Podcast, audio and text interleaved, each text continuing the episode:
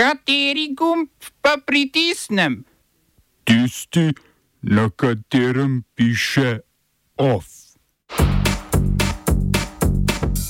Prva skupna stavka delavcev treh ameriških avtomobilskih gigantov.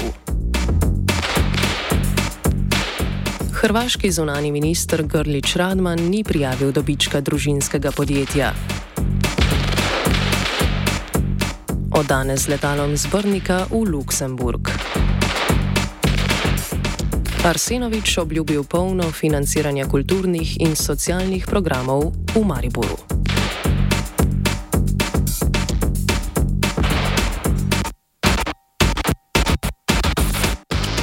V Združenih državah Amerike so delavci sindikata avtomobilske industrije United Auto Workers začeli stavko, ki prvič združuje delavce treh največjih tovaren avtomobilov General Motors, Ford in Stellantis. Stavka skoraj 13 tisoč delavcev, ki zahtevajo 40-odstotno zvišanje plač in odpravo večstopenske plačne lestvice, ki omejuje plače novo zaposlenih.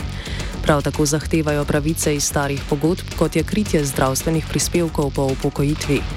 Stavko so začeli v eni tovarni vsakega podjetja potem, ko uprave do polnoči niso izpolnile zahtev.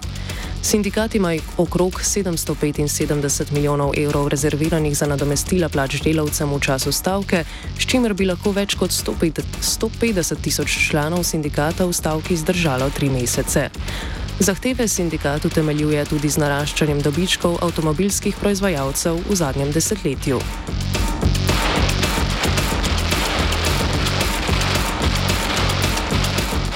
Evropska centralna banka je desetič v dobrem letu dni dvignila ključne obrestne mere, tokrat za nič cele 25 odstotne točke. Obrestne mere bodo ponovem med 4 in 4,75 odstotki. Čeprav je inflacija v evroobmočju začela padati, je še zmeraj več kot 5 odstotna, cilj centralne banke pa je njeno znižanje na okrog 2 odstotka. Po prepričanju sveta centralne banke so zdaj obrestne mere tako visoke, da bo njihovo vzdrževanje na isti ravni močno prispevalo k povratku na dvoodstotno inflacijo.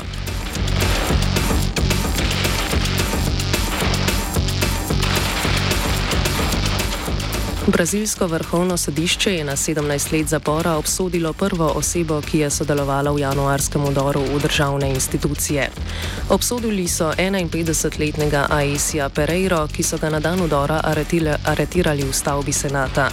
Enega od 232 podpornikov nekdanjega predsednika Žaira Bolsonara, ki jim sodijo, so obsodili za poskus državnega udara, oboroženo kriminalno združevanje in poškodovanje zgodovinskih stavb. Več tisoč protestnikov je od stavbe državnih institucij v prestolnici Braziliji udrlo 8. januarja po inauguraciji novega predsednika Inacija Lule da Silve. Za vdorih je počgal Bolsonaro, ki ga prav tako preizkujejo na podlagi obtožbe o spodbujanju nemirov. Vrhovno volilno sodišče mu je že odozelo možnost opravljanja javnih funkcij do leta 2030. Obsodilo ga je za zlorabo položaja in zlorabo medijev, ker je julija 2022 širil laži o brazilskem elektronskem volilnem sistemu.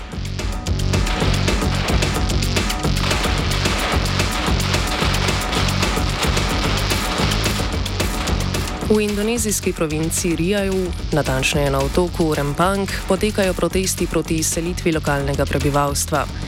Država namerava več kot 7000 prebivalcev iz priobalnega dela otoka izseliti v notranjost, saj bo na območju, kjer živijo, zgradila več milijard vredno tovarno stekla in sončnih panelov in tako imenovano ekološko mesto.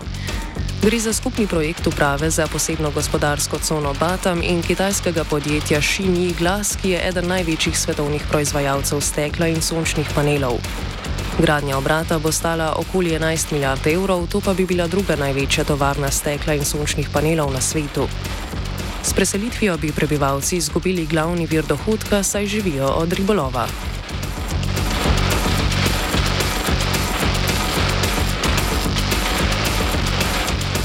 Hrvaški minister za zunanje in evropske zadeve Kuran Grlič Radman je izrazil obžalovanje zaradi napake in dejal, da je pripravljen plačati kazen, da pa zaradi dejanj ne bo nosil politične odgovornosti.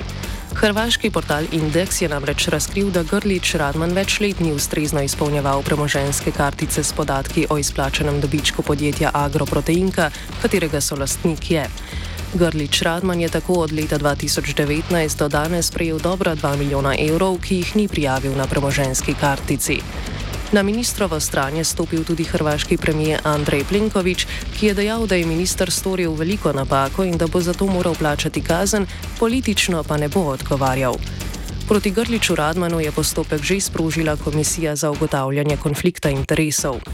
Kot je povedala predsednica komisije Aleksandra Jozič Ilekovič, bo v postopku, ki je bil sprožen 12. septembra, komisija preučila okoliščine, ki jih navaja portal Index. Podjetje Agroproteinka se sicer ukvarja z odstranjevanjem poginulih živali. V zadnjem obdobju je izvajalo tudi odvoz svin, ki so poginile zaradi prašiče kuge, pri, pri tem pa je poslovalo z državo. Smo se osamosvojili, nismo se pa osvobodili. Naslednje število je še 500 projektov izpiljene modele, kako so se strani nekdanje LDS rotirali. Ko to dvoje zmešamo v pravilno zmes, dobimo zgodbo o uspehu. Takemu političnemu razvoju se reče udar. Jaz to vem, da je nezakonito, ampak kaj nam pa ostane? Brutalni obračun s politično korupcijo. To je Slovenija, tukaj je naša zemlja, to je Slovenija, Slovenija.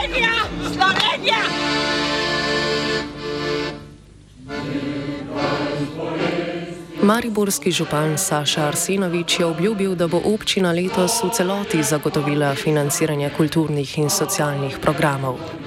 Spomnimo, da je junija, na, junija Mariborska občina napovedala krčanje proračuna, ki bi vplivalo predvsem na kulturne in socialne ustanove ter športna društva. Med drugim naj bi se krčilo financiranje za programe, kot so materinski dom, varna hiša in zavetišče za brezdomce. Kot je zdaj napovedal Arsenovič, se bodo neobvezne naloge občine tudi letos financirale 100 odstotno, torej v soti, ki je bila potrjena na razpisih. Poleg kulturnih in socialnih ustanov naj bi v naslednjih dneh sledil dogovor s športnimi društvi. Vršilka dožnosti direktorice mestne uprave Lidija Krebel je dejala, da bodo prejemniki dobili dokončne odločbe v 100 odstotnem znesku ob koncu leta. Dodatna sredstva je občina pridobila s prodajo lastnega premoženja, torej nepremičnin in zemlje. Zaenkrat so prodali za dobre 3 milijone premoženja, v teku pa je še prodaja zemljišč v vrednosti 10 milijonov evrov. Denarja pa je Mariborski občini zmanjkalo za dokončanje prenove lenta. Kot je povedal župan, so črtali predvsem enotno tlakovanje po celotnem območju prenove, prav tako se ne bo gradilo terasastih tribun v neposrednji bližini reke. Skupna cena prenove na brežje Drave od studenške brvi do vodnega stolpa bo sicer stala okoli 9 milijonov evrov, za nedokončane dele pa bodo razpis ponovili kasneje. Kljub nepopolni prenovi bo občina konec meseca vseeno izvedla manjšo predotvoritev. Župan je o tej povedal. Malo bo škrbasto in bo seveda motilo, ampak bo vseeno toliko dobrega in novega, kar nas bo povezalo.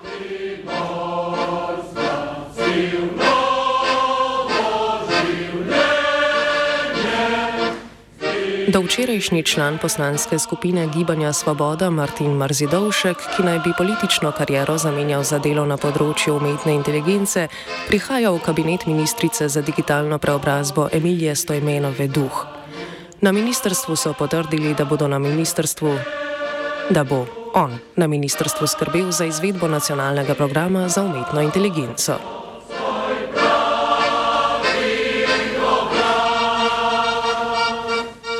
Kolegi predsednice državnega zbora je sprejel spremembe finančnih načrtov državnega zbora za naslednji dve leti.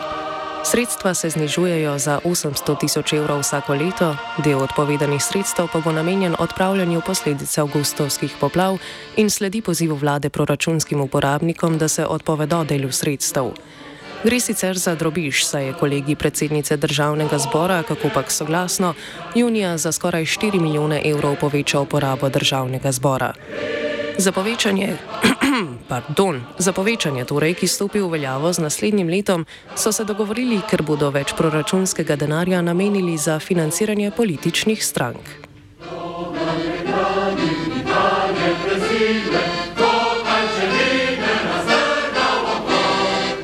Letalski prevozni LuxAir je uradno vzpostavil redno letalsko povezavo med Ljubljano in Luksemburgom.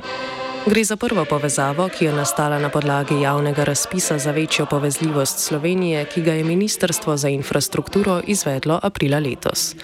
Z Brniškega letališča bodo leti potekali ob četrtkih in nedeljah, lete pa bo prevoznik izvajal s 76-sedežnim letalom.